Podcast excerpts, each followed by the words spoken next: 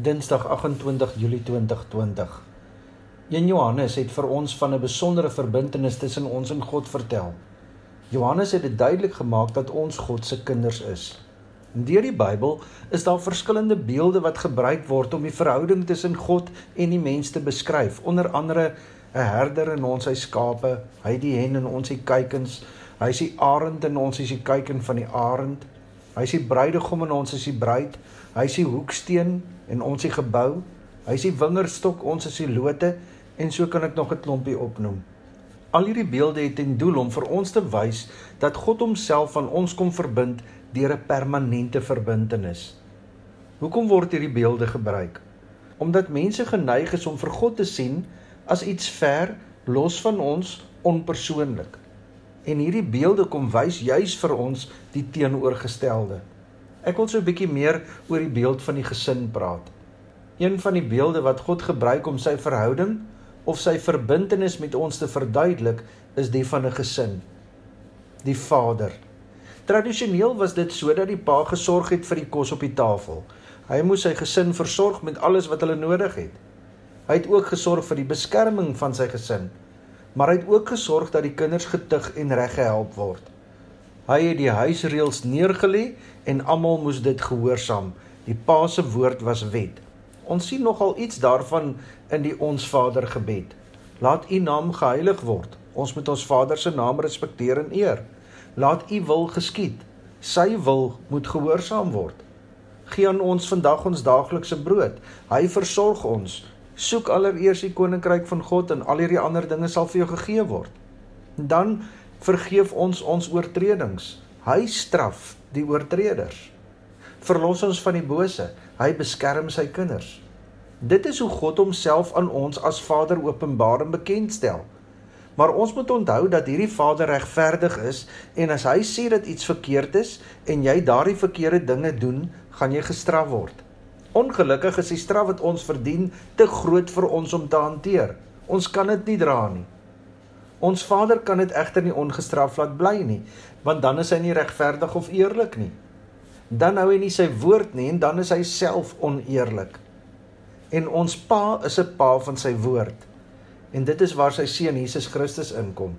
God straf, maar Jesus, ons broer, neem ons straf op homself. Romeine 8 vers 29. Die wat hy lank tevore verkies het, het hy ook bestem om gelykvormig te wees in die beeld van sy seun, sodat sy seun baie broers kan hê van wie hy die eerste is. Die wat hy daartoe bestem het, het hy ook geroep en die wat hy geroep het, het hy ook vrygespreek. Ons is broers en susters van Jesus, vrygekoop deur sy bloed. Maar dan is dit mos nog nie die volledige gesin nie. Waar is die moeder? Wel God beskryf die moederbeeld van hierdie goddelike gesin vir ons ook tog baie duidelik. Maar om dit te kan sien, moet ons eers oor moeders gesels. Vir my is dit baie interessant dat wanneer 'n kleintjie seer kry, hulle altyd hulle ma soek, al is hulle in hulle pa se hande. Want mamma is die versorger, die vertrooster, die een wat altyd vashou, pleisters plak. Sy is die een wat alles kan doen. Spreuke 31 besing 'n vrou.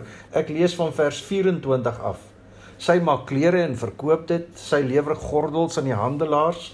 Alles aan haar spreek van 'n sterk en edel persoonlikheid. Sy ken geen kommer oor die toekoms nie. As sy praat, is dit met wysheid. As sy leiding gee, is dit met liefde. Sy hou goeie toesig oor haar huishouding, lei sy nie. Haar kinders prys haar, haar man bewonder haar. Daar is baie knap vrouens, maar jy oortref hulle almal. Haar hande staan vir niks verkeerd nie. En dit is presies hoe die Heilige Gees ook beskryf word. Johannes 16 vers 7. Tog sê ek vir julle die waarheid. Dit is tot julle voordeel dat ek weggaan, want as ek nie weggaan nie, sal die voorspraak, die trooster, die Heilige Gees nie na julle toe kom nie. Maar as ek gaan, sal ek hom na julle toe stuur. Galasiërs 5:22.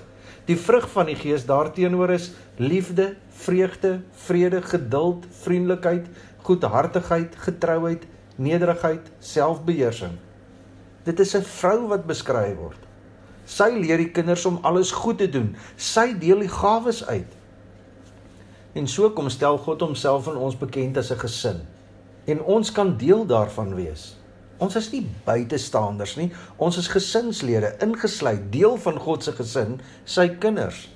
Eintlik wil God daarmee vir jou sê, ek is nie ver en onpersoonlik nie.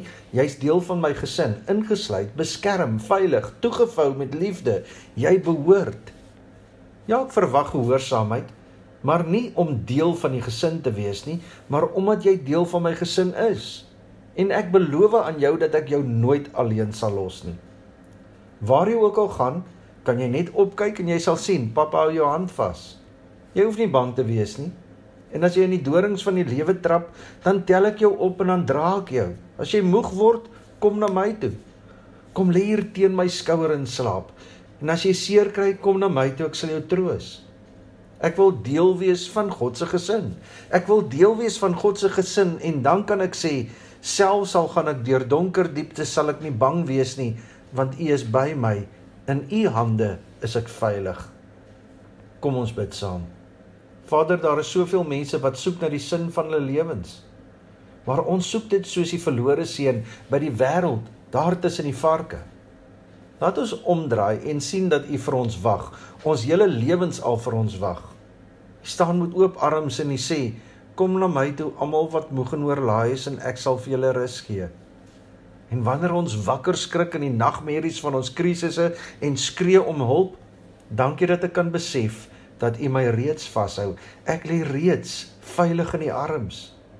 Al wat ek moet hoor is Sst, stil maar. Pappa is hier by jou. Ek sal jou nooit los nie. Vertrou my maar. Sst. Lê hier teen my skouer.